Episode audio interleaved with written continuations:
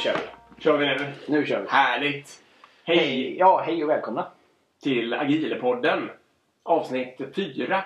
Det är det. Idag tänkte vi prata om agila team Precis. och massa frågeställningar kring det. Och två stycken lyssnarfrågor, eller till och med tre. En invävd och två stycken som vi tar på slutet. Ja, superkul. Fortsätt göra det. Mailen är agilpodden.gmail.com eller så nås vi på Instagram under agilpodden. Så blir vi jätteglada. Verkligen, det är superkul att få in frågor. Det innebär ju också att någon lyssnar. Precis. Vilket är väldigt kul. Och engagerar sig. Ja, det är med. Helt fantastiskt. Ska jag ta fart eller? Ja, gör det. Eh, vi, vi tar det här lite eh, team då. Eh, det är någon slags förutsättning för att köra agilt att, att man har team. Så det är väldigt viktigt att, att ha dem, alltså skaffa dem på något sätt. Det, det kan inte nog understrykas. Jobba inte med eh, enstaka individer eller nyckelresurser eh, eller människor som blandas huller om buller utan att uppfatta att de hör till ett team. Och här är väldigt ofta hör man då att nej, men vi har bara kostnadstäckning för en person. Vi har bara, det är bara en person som kan det här. Vi, vi har bara pengar för en. Det, det man måste försöka göra då är ju liksom att bunka ihop flera olika applikationer så man får ett team av det och sen försöka dela ansvaret i det teamet istället. Verkligen. Eh, så. För det kommer också sån här 0,2 och 0,7 och sånt där. Den kan ju också komma. Och då är det ju bara att ge dem sina, alltså räkna ut vad det där blir på någon slags årssnitt. Och så leverera eh, ungefär så mycket, så många sprinter eller vad det nu är man vill mäta i. Om man, har, eh, om man ska börja lite basic sådär och äh, återigen om man kommer från någon slags omogen tillvaro och inte riktigt äh, vet hur det här teamet ska sättas ihop. Man ska precis börja kanske. Man ska precis börja. Då ska man försöka tänka då det som ibland kallas feature team eller ibland kallas crossfunktionella team. Alltså teamet ska ha alla eller nästan alla kompetenser i sig självt som det behöver för att göra en hel feature. Alltså en hel grej som en användare kan köra. Typ, det här beror ju då lite, genast lite på vad det är för slags eh, grej man gör. Men typiskt så betyder det att det ska finnas någon slags back-end-kompetens, front-end-kompetens och test. Det brukar ju väldigt ofta vara basen i ett team. Absolut. Och det, det kan då vara sen olika. Det kan ju allt från Java till .NET till JavaScript till ja, och så vidare. Beroende på. Ja, Och sen återigen beroende på hur komplicerat det är. Sen kan den där testkompetensen kan ju innebära att man måste kunna automattest och testverktyg och Precis. massa sådana där saker. Återigen om man eh, vill eh, ha det lite mer fancy-pansy och det är något komplicerat så kan man ju vilja ha DevOps på teamet. Man kan vilja ha tillgång till integration, eh, kanske databaskompetens och kanske till och med serverkompetens. Mm. Kan vara om man hostar på molnet vill man ha den kompetensen eller så annars vill man ha om hårdvara och så vidare. Och de här fyra sista som vi sa kan ju typiskt vara sådana också som man kan dela, alltså man kanske vill ha dem i kontorslandskapet. Exakt. Eh, Så att de kanske hör till ett team men springer runt och stöttar eh, kanske fem, tio team eller något sånt där. Så kan det vara. Om vi tar exemplet med integration så har det funkat väldigt bra i min organisation. Då har vi två stycken som kallar sig integrationsarkitekter. Det här är en organisation på ungefär 170 människor. Eh, och de stöttar ju då uppenbarligen inte bara ett team men vi har väldigt, väldigt mycket hjälp av att de finns där på plats. När det väl smäller och man väl behöver hjälp så är det väldigt bra att de ett är på plats och två så känner de folk och kan teamen och kan applikationer och så vidare. Snarare om de skulle sitta centraliserat eller bortplockade någon annanstans. Så det kan vara före det bra. Eh, T-shapetheten kommer vi in på också. Ska vi ha en person som kan en backend, en person som kan fronten och en person som kan test? Vad kan det finnas för nackdelar med det? Ja, det kan ju aldrig gå fel. Till exempel om man tittar i backloggen Ja. så ser man att eh, den här, alltså de 15 översta itemsen är ju bara frontend-förändringar. Precis, för vi vill ju börja med att bygga ett GUI. Exakt. Vad händer då om man har en frontendare, två backendare och en testare till exempel? Då får vi sitta och vänta helt enkelt. Exakt. Och det är ju då inte önskvärt. Nej. Och då är det jättebra om de där två backend-utvecklarna kan lite frontend. Så de kan glida in och stötta där och göra åtminstone de enklare grejerna. Även om den här specialiserade frontendaren kanske har lite lead och, och gör de svåra grejerna. Och det är det som kallas T-shape. Precis. Djupet för mätarna har ju någonting. Det är bra att ha djupet i backen, i .NET till exempel. Man läser forum, man går på kurser, man hänger i communities och har massa kunskap som är specialiserat till det. Men att bara göra det och inte kunna något annat, då skapar vi återigen nyckelpersoner i teamet. Och det gör det också att om någon är sjuk eller någon är borta så gör det att teamet stannar upp och vi kommer inte vidare. Eller precis som du säger, och det är väldigt vanligt. Att om man har en som kan backen, en som kan front och en som test, om vi gör det mest simpla exemplet. Och, och produktägaren vill bara ha backend-saker så kommer vi säga nej. Vi kommer inte ta det som är mest eh, prioriterat utan vi kommer istället ta det som vi har teknisk kompetens till. För jag brukar kalla det att man låser backloggen och det är, så- det är så otroligt vanligt att backloggen är låst för vi har inte ett team som kan hantera det som behöver göras. Och då tyvärr är det som händer är att man då plockar man grejer längre ner i backloggen som inte är lika viktiga. Vilket slutar med att då stoppar man in skit som ingen vill ha och så skapar det en massa teknisk skuld och det kanske skapar buggar och det kanske försenar, försenar produktionssättningar och så vidare för det som faktiskt var viktigt. Man får ju feedback på fel grejer. Man, Ja. man får reda på hur bra eller dåliga de där grejerna som inte uppfattades som så himla viktiga var. Och det kan mycket väl hända att om man hade gjort de där sakerna som stod överst, då hade man märkt vad man ville ha egentligen. Och då kanske de hade försvunnit ur backloggen till nästa sprint. Precis min poäng. Och det här kan man ju också, apropå T-shape, vi har inte alls pratat om T-shape. Nej, vi har inte alls pratat om t-shirt. Att det är ju lite viktigt också, förutom att det är bra att ha T-shape people i ett team, så är det ju väldigt bra att alla team har väldigt bred kompetens, att de kan flyttas runt med, inom, eh, inom produkten eller applikationen eller vad det nu är man håller på med och kan göra alla delar i en portfölj idealiskt sett. Exakt. För då får man den här flexibiliteten i den större organisationen också. Att det inte bara är låst. Är det bara team A som kan lösa den här sortens frågor och deras väntetid är jättelång medan det finns andra team som inte alls har lika lång väntetid eller backlog på sig. Nej, en superbra poäng. Nu zoomar du ju ut egentligen för jag menar, tittar man på portföljnivå så är det ju en backlog också fast kanske flera applikationer istället för en feature i en applikation. Eh, och det gör ju också att kan du skapa en sån organisation då kommer du få väldigt roligt för du kommer få medarbetare som får jobba i olika applikationer. Och du kan också lastbalansera och, och, och eh, verkligen skapa kundnytta. De tar med sig sina erfarenheter, de breddar sin kompetens, de har nytta av det de kunde från den förra applikationen när de gör den nya och så vidare. Och så vidare. En bra övning man kan göra faktiskt, eh, som vi har gjort i min del av organisationen, det är att vi har alla fått måla sitt egna team. Eh, så då får man helt enkelt måla vad är mitt djup och vad är det jag är intresserad av. Och säga att det då är backend eller .NET eller Java. Och sen så säger man okej, vad är de andra två områden jag skulle vilja liksom bredda mig i? Och då kan det ju faktiskt vara till exempel ledarskap. Så det innebär att man skulle kunna ta och hjälpa eh, managementteamet med sådana saker. Eh, men det kan också vara Scrum Master, test, frontend eller DevOps, databas eller vad det nu kan vara. Men om alla målar upp det då blir det också väldigt tydligt i ett team. Saknar vi någon kompetens? Eh, saknar vi, är det någon, någonstans vi har en flaskhals eller där vi är en nyckelperson?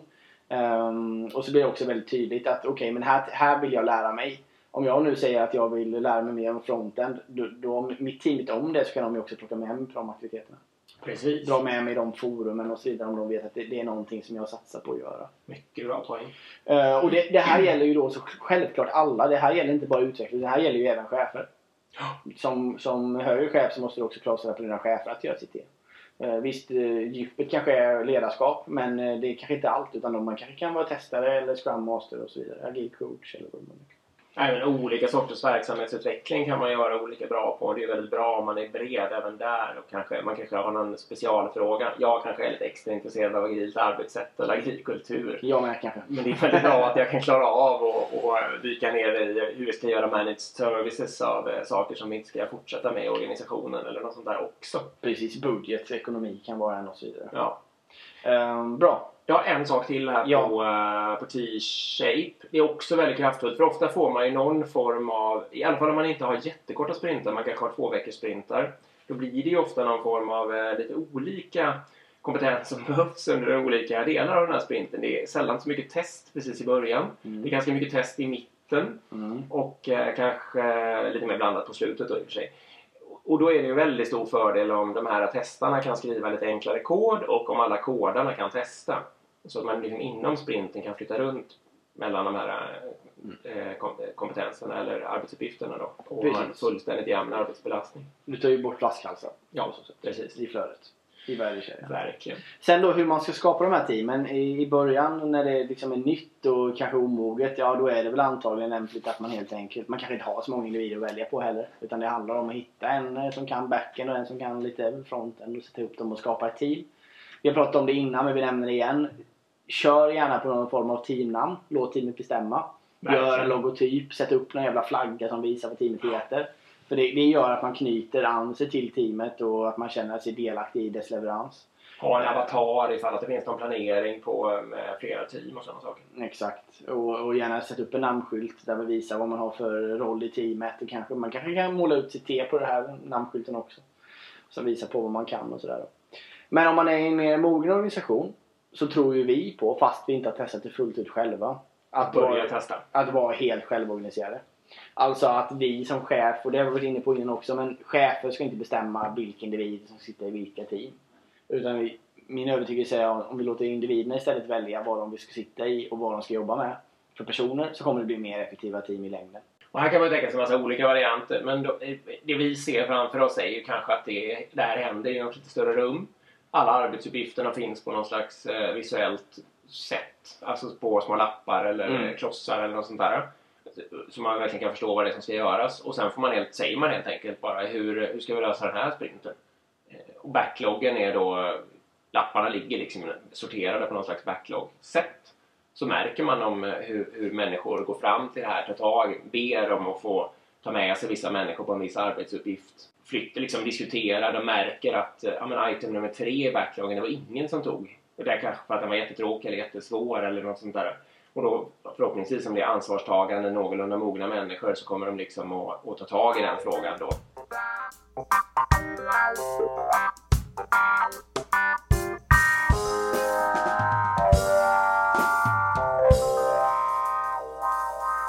Jag vill ha en applikation där jag ska göra det här.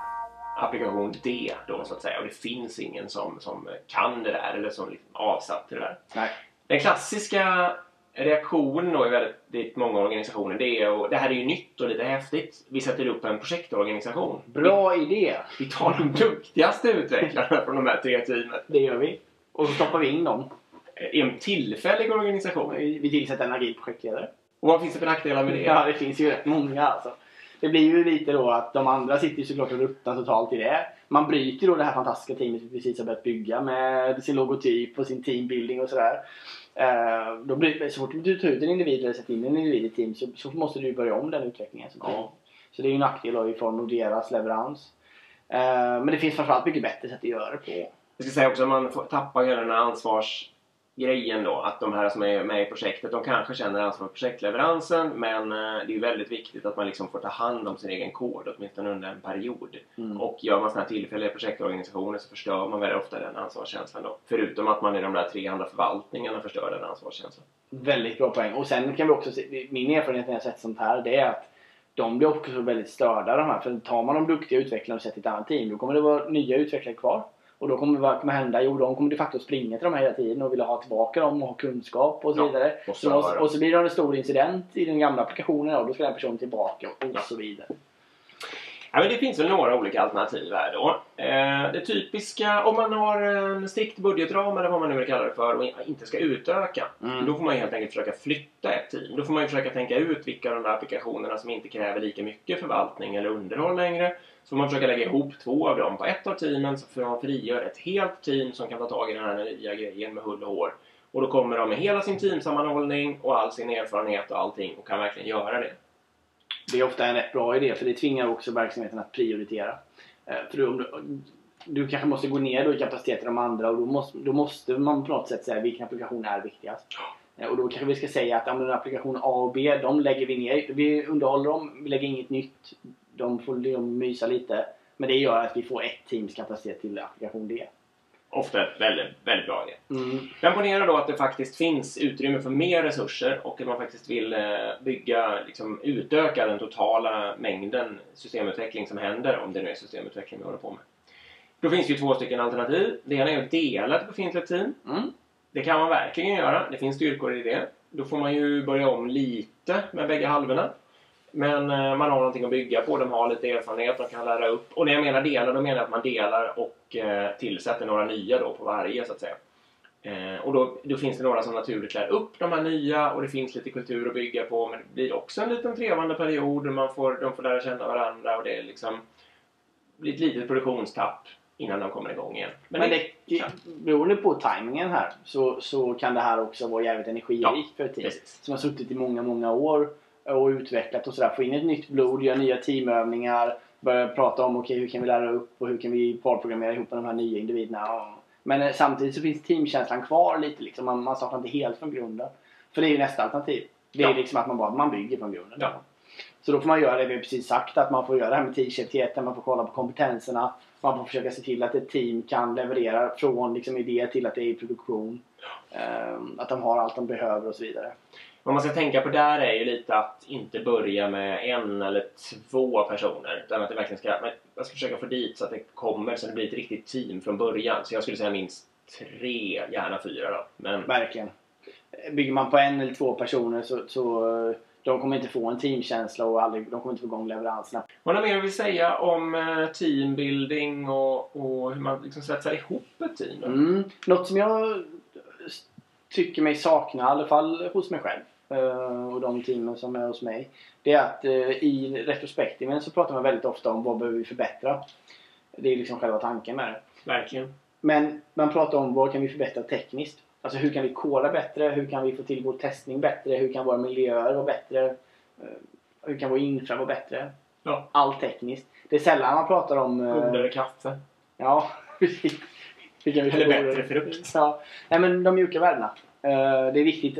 Jag tycker det saknar jag ofta, i alla fall mina team. Jag har inte varit på så många andra och kollat just det här. Men, men snacka om, men hur kan du och jag samarbeta bättre? Ska vi göra någon eh, profilövning där vi tittar på hur vi kan matcha varandra? Vad behöver vi för coachning?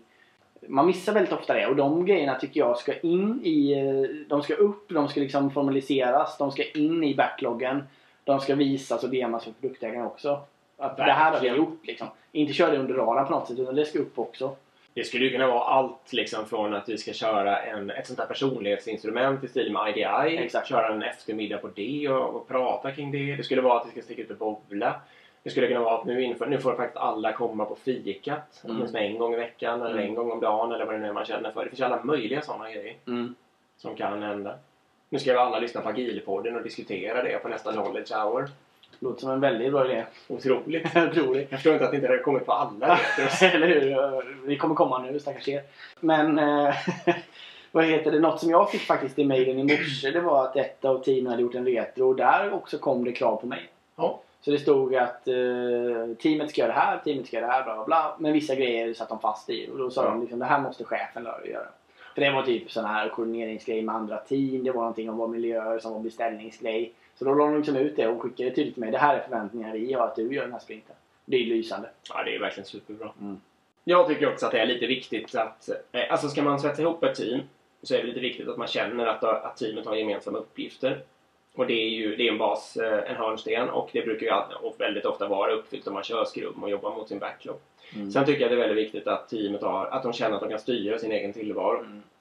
Alltså planera sin egen dag eh, på någon slags rimlig nivå i alla fall. Känna att de liksom kan bestämma hur mycket knowledge hours de ska köra eller när de ska ha sin retro, hur mycket, hur lång tid en sprintplanering ska ta.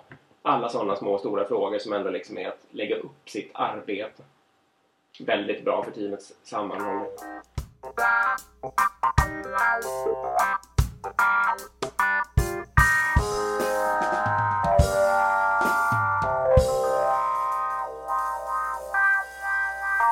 Bra, så nu har vi börjat få till ett ganska bra team här. Va? Mm. Eh, nu är en knäckfråga här. Måste det här teamet koda? Precis, och det är också en fråga som vi har fått på mejlen tror jag. Ja, Mm. det är det. Eh, vi har fått den till uh, agilpodden.gmail.com. Bra, snyggt. Eh, men men det, det, jag har fått den innan. Den är inte helt ovanlig. Eh, jag kan bara backa lite och säga så här. Det finns några klassiska ursäkter när man pratar agila arbetssätt här. Och det är liksom att vi hinner inte. Det låter väldigt bra men eh, det passar inte för just oss. Det är bråttom. Ja, vi har ju en stor leverans just nu vilket gör att vi kommer inte kunna göra det här omställningen nu. Jag vågar inte ändra någonting just nu. Nej, vi ska inte ändra någonting. Allt är rött, men vi ändrar fan inget. Och sen då är det också... Ja, men ni kodar så då funkar det. Ja, den är klassisk faktiskt. Jag jag har flera applikationer, jag har inköpta applikationer och så vidare. Så, så det är en klassiker när, när, när man är ute och pratar om det agila arbetssätt. Och det är ju liksom ett motstånd eller rädsla eller vad man nu ska säga. Men, men eh, så, så det, det ska man bara ha i beaktelse. Men nej, absolut. Nu är det tydligt en gång, en gång för alla här. Man, ett, ett agilt team behöver absolut inte koda. Jag träffade en agil coach eh, för mm, två, tre år sedan på Agila Sverige. Ehm, och hon jobbade, hon hade varit ute på massor med olika mjukvaruföretag och jobbat med utveckling och kodning och coachat team. Men hon jobbade faktiskt just nu på en förskola. Alltså som agil coach. Så hon var inne och kollade på deras flöden och hon eh, visualiserade med hjälp av kanban eh, boards. Hon pratade om agila kärnvärden, hon pratade om manifestet eh, och hjälpte dem helt enkelt att skapa en bättre arbetsplats. att göra ett team utav det som fanns där och få dem att leverera. Så, så det behöver absolut inte vara utveckling. Det behöver inte ens vara IT för, för att anamma de agila värdena på något sätt. Mycket bra exempel. Man kan säga att eh, agil kultur är ju någon slags...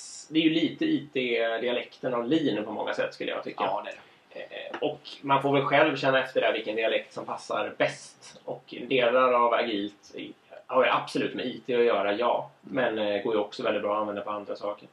Eh, Jag kan känna, att, exempel från mitt eget privatliv, att jag beter mig agilt. Och jag kan känna att jag gjorde det kanske innan jag kände till ordet eller begreppet. Jag kan också känna att jag har drivit det längre nu då. Och ibland kan jag säga till människor saker i stil med att alltså det efterkrävs en plan eller ett beslut eller något sånt där. Och så kan jag säga att det beslutet tänker jag fatta så sent det går. Och det kan ju gälla vilket färdsätt det ska vara på någon semester eller Mm. när man ska ses en viss dag eller alltså lite olika sådana där saker. Nej, jag gör samma sak. När jag är ute och reser och så vidare så, så försöker jag undvika långtgående planer och istället ta det lite som det kommer. Eh, Jag vet också, jag har hört att, det är, att en agil coach har kört eh, hela sin semester agilt, alltså med sprintar. Så de hade sex veckors semester och då körde de en daily stand-up varje dag eh, vid kylskåpet. Vad ska vi göra idag? Vad är mest prioriterat? Åka bada, köpa glass och så vidare med sina barn och sin fru. Då. Och sen så betar man av efter två veckor körde man en retro på vad som man har gjort och se om man tyckte det var kul och vad man skulle göra nästa två veckor. Och så körde man det tre sprintar idag och så var hela sommaren över. Då borde det ju bli exakt det som man verkligen vill, eller inte exakt, men väldigt nära det som, som deltagarna i den här semestern verkligen vill göra. Ja, det blir en ganska kul grej på morgonen också kanske hela planeringen ihop och så. Och få in barnens åsikter i det också. Det är lite spännande. Så det, vår åsikt är ju då, eh, nej det behöver inte vara systemutveckling. Nej, verkligen inte. Eh, här, samtidigt ska ju sägas kanske då att ingen av oss har ju lett organisationer som håller på med något annat än eh, systemutveckling eh, agilt än så länge då i och för sig. Mer eller mindre. Jag har vissa applikationer som inte nödvändigtvis Ja. kodas i, men, men, men absolut. Mer konfigurering och så vidare. Ja. Ja. Och det finns väl några grejer med agilt, vad ska man säga, om man har en, om man sitter fast i någon slags ett typexemplet som jag tänker på inom IT är att man har en inköpsprocess för mjukvara. Mm. Då är det klart att själva den, om man nödvändigtvis måste ha det så att man ska teckna ett jätteavtal på licenser och det ska tecknas vid en viss given tidpunkt, ja då blir ju det en sån här eh, milestone. Mm. Och, och det är ju lite svårt att komma runt. Men man kan ju försöka bete sig väldigt agilt före och efter det. Mm. Och om inte det är helt omöjligt kan man ju också försöka överväga att köpa den där licensen. Alltså teckna ett avtal istället som baseras på att man först köper en licens när man behöver det och, och sen en till när man behöver den och så vidare. Då kan man ju komma undan från det här. Sen, okej, men lite mer konkret också då. Vad, kan man ta om man, om man nu sitter med ett team som inte kodar, inte utvecklar utan har någon, någon annan leverans. Vad är det man kan ta egentligen från, från den agila världen? Och en grej för mig är ju att man vill korta feedbackloopar. Eh, I den traditionella projekteringsvärlden då så är det egentligen så att man jobbar i ett halvår och sen kastar man över muren. Ja. Och sen får man feedbacken. Och då är det liksom, nej det här var inte det vi ville ha, eller måste vi göra om det. Så jobbar man ett halvår till och sen kastar det över muren. Och så får man feed. Hela idén här är att vi vill korta till feedbacklooparna så kort som möjligt. Både på produkt men också på individ. Ehm, för, för, att, för att kunna anpassa oss och liksom ja, vara som målsökande missiler istället för en eh, stor bomb. Verkligen. Och det kan ju vara om man eh, till exempel ska rulla ut en mjukvara i molnet. Då kan man ju leta upp en enda användare som kan tänka sig köra den där mjukvaran. Mm. Och så börja med den. Då kan det ju få vara lite mäckigt och lite konfigurering och lite beställningar och grejer. Det gör inte så mycket om det är administrationstungt för man ska börja göra det för en enda individ. Mm. Så fort han eller hon är igång och kör så får man ju återkoppling. Det kan ju vara så här att ett nytt operativsystem på klienter eller något sånt där. Mm. Då kan man ju fullständigt manuellt installera en enda klient eller tio eller vad man orkar med. Leta upp de användarna, sätta ut dem och så börja få återkoppling. Visst. Alltid börja i liten skala Mm. och sen, Och sen- automatisera och göra det fiffigare och fiffigare ju mer färdigt det blir. Liksom. Precis. Men, men försök korta feedbacklooparna vad ni än jobbar med. Oberoende om det är IT eller inte. Se till att korta feedbackloopar. Det är ganska bra idé att köra retro hemma också i privatlivet som jag nämnt. Kör ett familjeråd varannan vecka där ni går igenom vad som har hänt och hur ni kan förbättra situationen. Det kommer ge positiv effekt. Med största sannolikhet. Jag har ju hört om folk som kör det i sina relationer, att de kör skrum i relationer helt enkelt. Mm. Med eh, sprintar. Jag tror inte det var någon, eh, det var ingen visuell planering, men det var sprintar och det var ju rep. Nej men det går att sno idéer absolut. Det, Precis. det, det går göra. Och det behöver inte vara kärleksrelationer. Det kan ju vara en kompisgäng eller Ja. vad som helst. Eh, Det agila manifestet finns. Precis. Eh, eller ska vi ta för- förstärkningsmodellen först? Det finns så mycket att välja på. Det är så mycket roligt Ja, Men ta, nu, nu ska Erik ta förstärkningsmodellen. Tar här, för den kopplar nämligen lite till korta feedback-loopar. Det gör den. Varför ska vi ha korta, korta feedbackloopar? Och, och det här är, finns en jättebra bild och den kommer hamna på Instagram, Agilepodden. Ja, det kommer den eh, på torsdag när det här avsnittet släpps. Eh, den den gör egentligen, och nu får, ni får försöka, jag vet att bilder kanske inte är det bästa verktyget just i poddar. Men jag, jag förklarar här så får ni försöka visualisera för er själva. Häng med nu, ni är smarta. Eller ta fram telefonen och leta upp den. Ja, precis. Eller surfa in på Instagram. Så kan ni passa på att gilla andra bilder och följa oss också. Om ni. Ja, Y-axeln prestation, X-axeln tid. Eh, och det den säger här då är att över tid, om man enbart ger positiv förstärkning eller positiv feedback så kommer prestationen öka. Så det innebär alltså att kurvan går uppåt här. Prestationen ökar över tid. Det är också den högsta kurvan så att säga. Den som går bäst uppåt. Det är det absolut smartaste att göra. Ja. Om du enbart ger negativ feedback då kommer den snarare stagnera. Alltså den kommer inte gå upp i prestation men inte heller ner utan du kommer ligga kvar på ungefär samma nivå. Den går, ner, den går upp i början faktiskt. Men om du sen fortsätter med negativ återkoppling Så kommer det- kommer den plana ut på ungefär samma nivå som du började. Exakt. Så det är, det är en utplaningseffekt, det är vad det låter.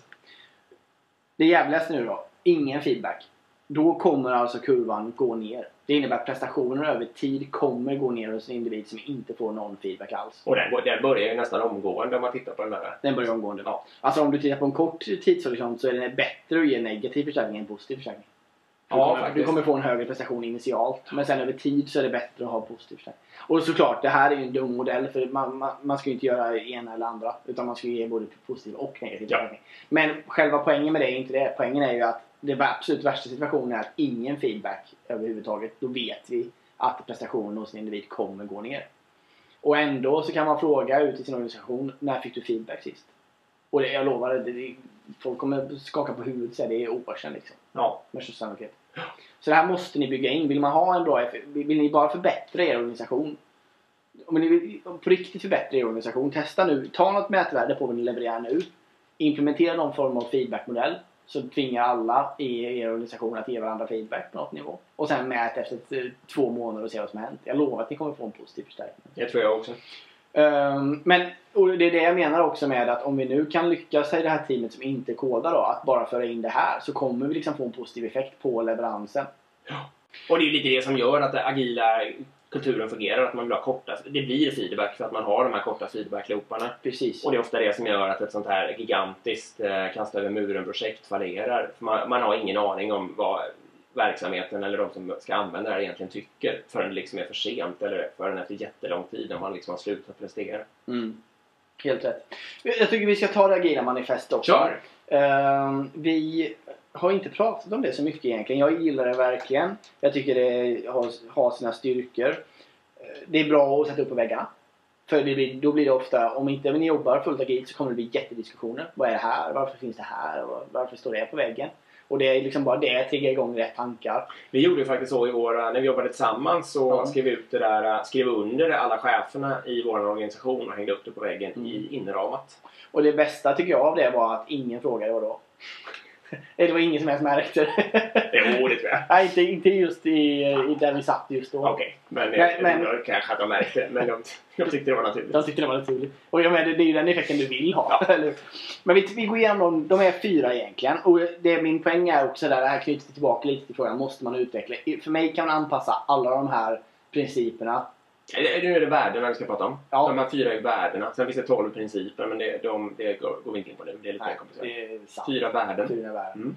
Mm. Eh, bra förkortning där. Eh, För alla agila talibaner som kommer på oss annars. Eh, vi går igenom dem och tänk nu att ni sitter i en icke-kodande organisation här. Och se om ni ändå kan anpassa dem. va?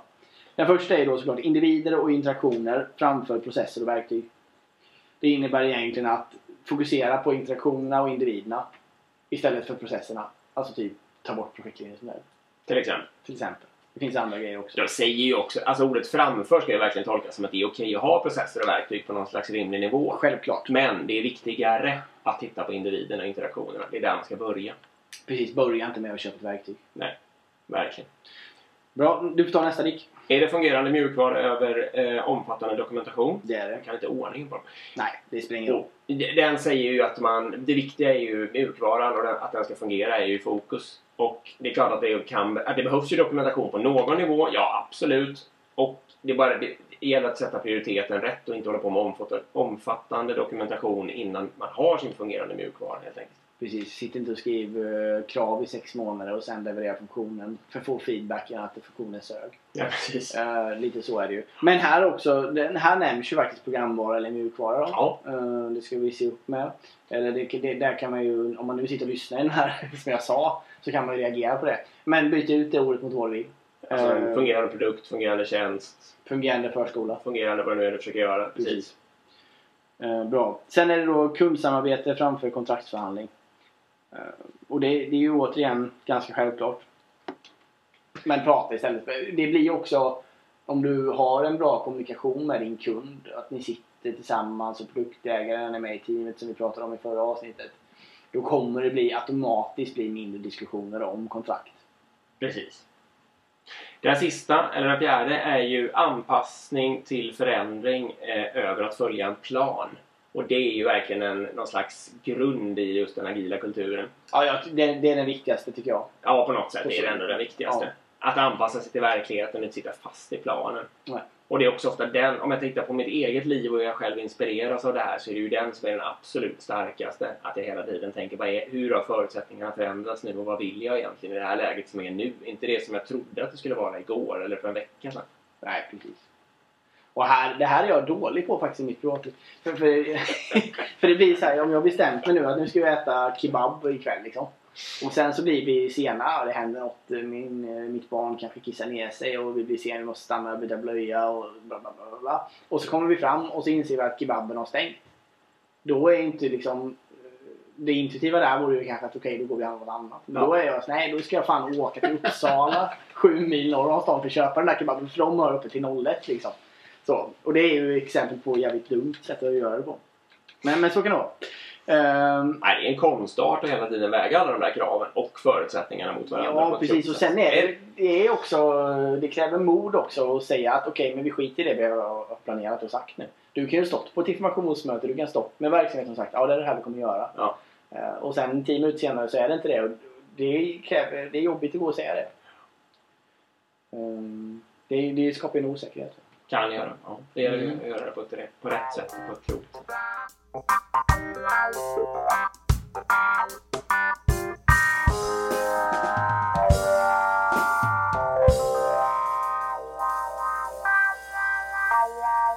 Ja, nu har vi ju vänt och vritt på team baklänges och framlänges här. Lite så. Mm. Det är ett stort ämne, man kan prata väldigt mycket om Ja. det. Men, men jag tycker vi har varit inne och rört på några viktiga grejer i alla fall. Grunden är ju alltså att teamet ska kunna leverera hela features eller liksom hela grejer som användarna kan köra. Ja. Det är det ni ska komma ihåg. Och kräver er applikation att, eh, att idag att det är flera team som levererar för att få ihop en feature så borde ni verkligen försöka se om det. Eh, om ni har ett backend-team, ett frontend-team och ett testteam så, så testa bara några sprintar och ställa om det. Eh, det kommer ge effekt. Samma sak om ni har eh, delteam A, delteam B och delteam C. Och alla de här måste leverera för att bli stora produkten A. Liksom. Försök att ställa om det också så ni kan ha... Det, det går alltså. Det finns inga ursäkter, det går. Verkligen. Jag utmanar lite men, det, men så är det tycker jag. Mm. Ska jag hoppa in i lite lyssnarfrågor då? Ja, vi har fått in två stycken lyssnarfrågor egentligen va? Om man är beroende av andra team var en fråga här. Mm. Alltså man ska leverera något stort och komplicerat och eh, det finns, det kanske behöver levereras från olika organisationer.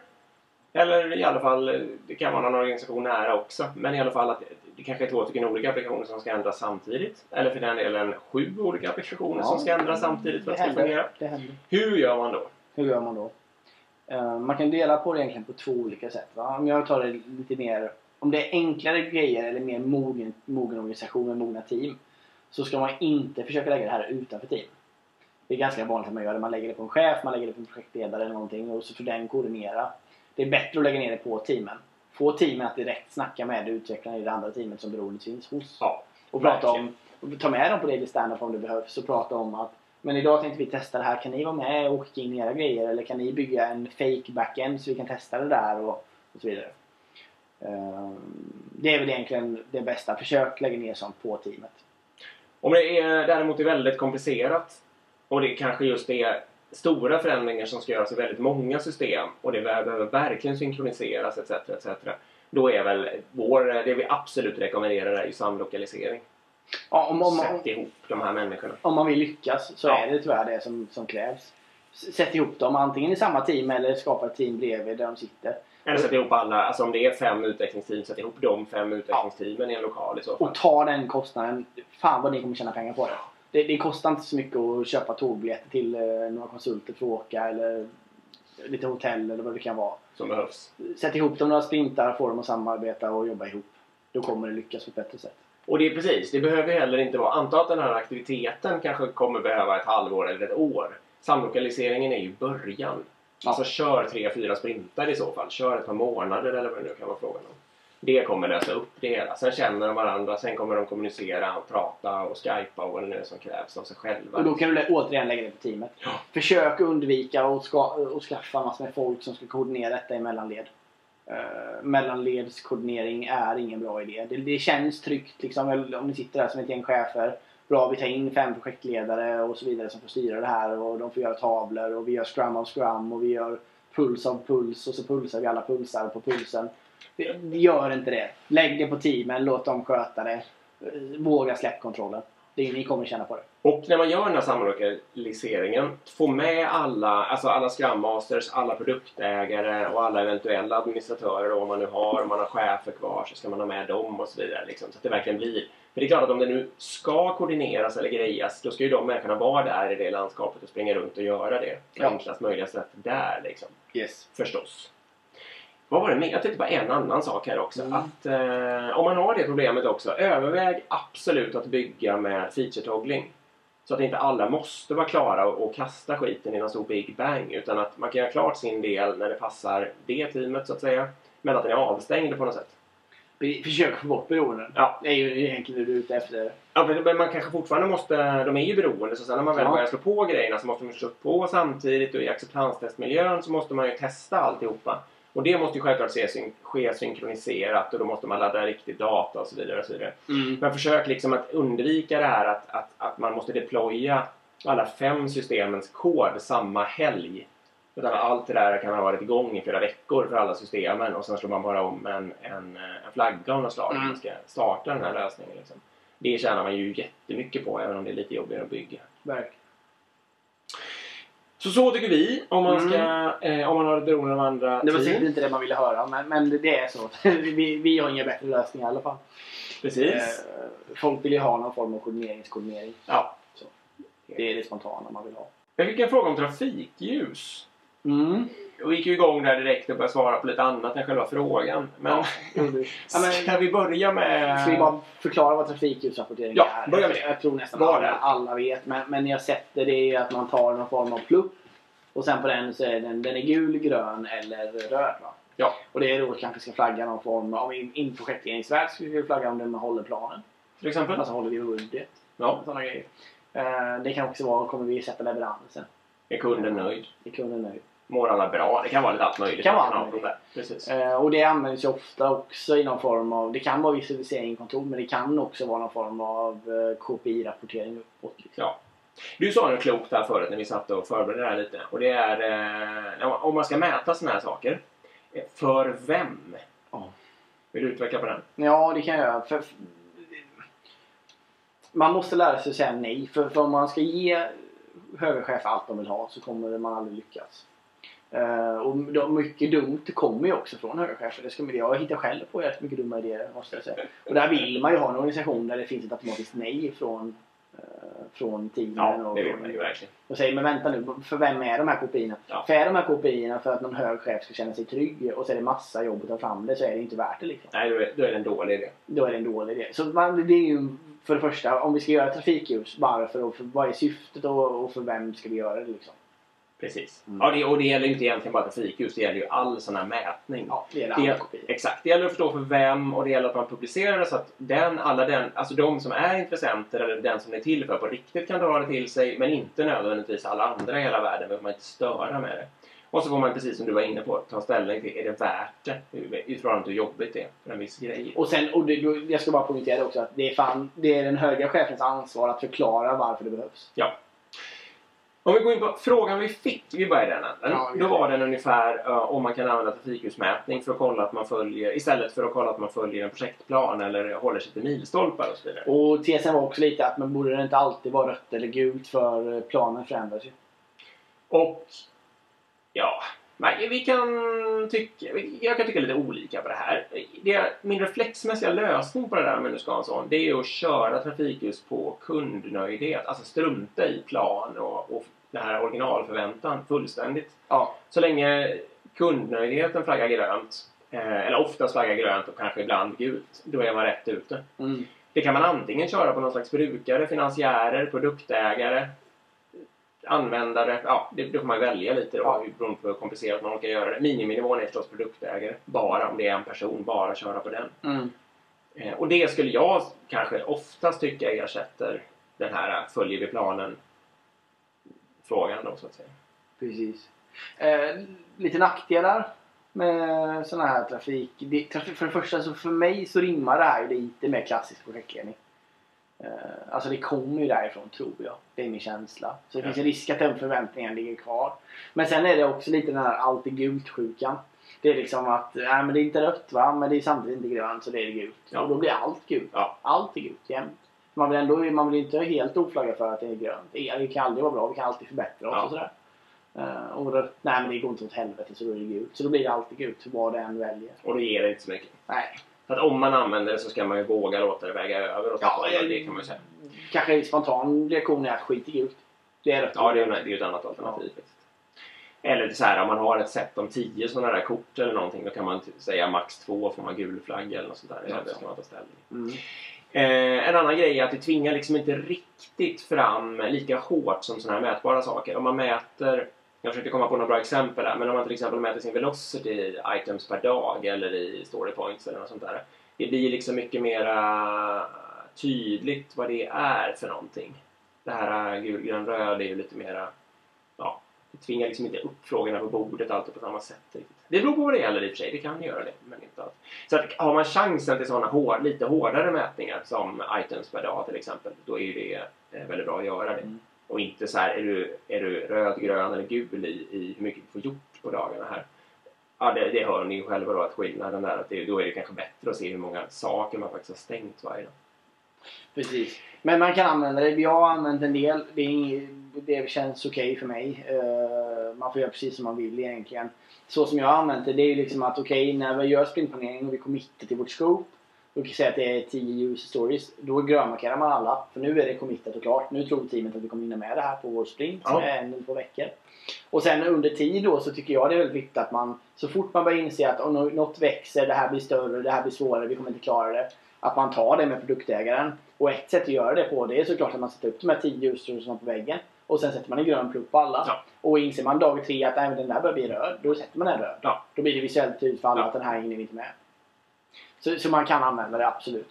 Det är bra om man har en tavla, eller även en elektronisk tavla går att göra något sånt där förstås. Ja. Men försök undvika budget, projektplan Ja. eh, och så vidare på, på just pluppningsnivå. Verkligen. Jag ska säga styrkan med trafikljus också är ju enkelheten. Ibland är det ju jättesvårt att mäta saker. De är svåra att mäta upp. Man kan inte komma med linjal och så vidare. Och då är det ju det går, nästan vad som helst går att formulera sådana här trafikljus på och köra. Mm. Och då är det ju förstås mycket bättre, kan vara mycket, mycket bättre än att inte mäta någonting. Så det ska man ju verkligen inte underskatta. Verkligen. Hur mår alla team i din organisation? Det är omöjligt att svara på. Men vet du däremot att nej, men sju är gröna och en är gul. Ja, Då, då känns ju det okej. Då, då har du ju så här, ja, men då, då kan du ändå stå för det. Nej, men de är gröna och sådär. Men har du sex stycken röda och en gul så kanske du ska ta tag i något så att säga. Till exempel.